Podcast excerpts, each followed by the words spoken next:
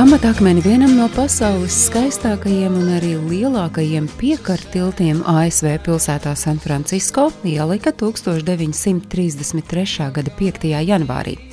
Zelta vārtu tilts savieno San Francisco pilsētas dienvidu daļu ar Merīnas apgabalu, un tas apvīts ar dažādiem mītiem un leģendām. Neapšaubāmi, zelta vārti ir viens no visatpazīstamākajiem tiltiem pasaulē. Košs sarkanais tilts ir vizuāli skaists un atmiņā paliekošs. Lai tilts savu krāšņumu nezaudētu, to regulāri uzfrišina pārkrāsojot, un var teikt, ka zelta vārti ir teju ikona amerikāņu filmās. Starp citu, uz tilta rosījies arī aģents 007 James Bonds. Tāpat zelta vārtus un arī pašu San Francisco savos darbos daudzkārt pieminējis populārais amerikāņu rakstnieks Džeks Londons. Zelta vārtu tilts ir daļa no 101. automaģistrāles, un tā celtniecība izmaksāja 35 miljonus tā laika ASV dolāru. Mūsdienās šī summa jau varētu būt lielāka par vienu miljārdu dolāru. Viena no versijām liecina, ka tilts savu nosaukumu ieguvis pateicoties faktam, ka tas celts par zelta vārtu jūras līci, un 1481. gadā šai līcī esot atrasts zelts.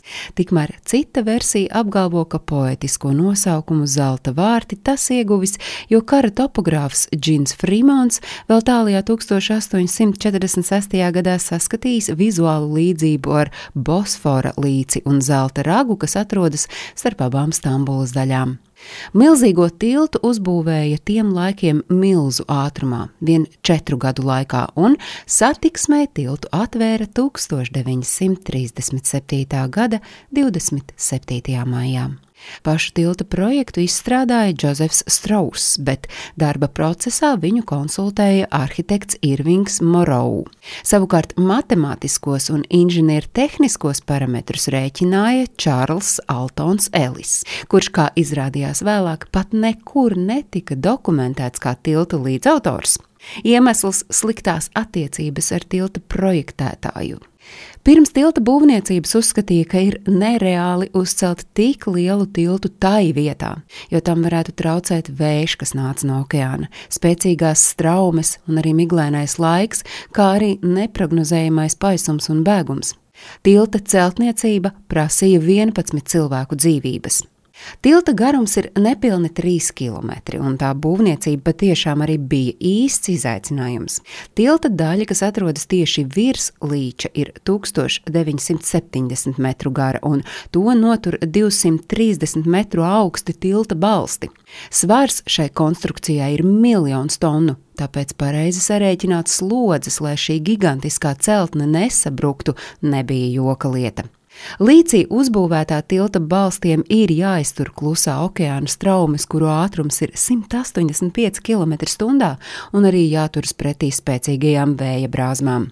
Starp citu, vēja brāzmu ietekmē tilts var svārstīties pat 9 metru amplitūdā.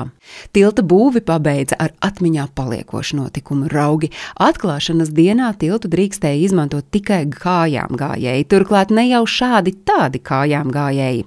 Tiltu atklāja ar simbolisku skrējienu, kurā piedalījās 20 tūkstoši cilvēku.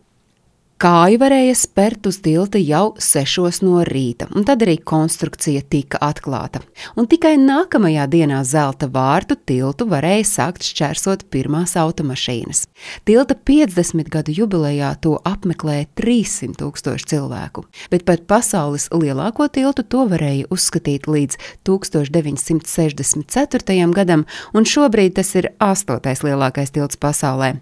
Starp citu, par tilta šķērsošanu ir jāmaksā 5 dolāri, bet tikai braucot virzienā uz dienvidiem. Ja ceļotājs dodas uz ziemeļiem, brauciens esot bez maksas.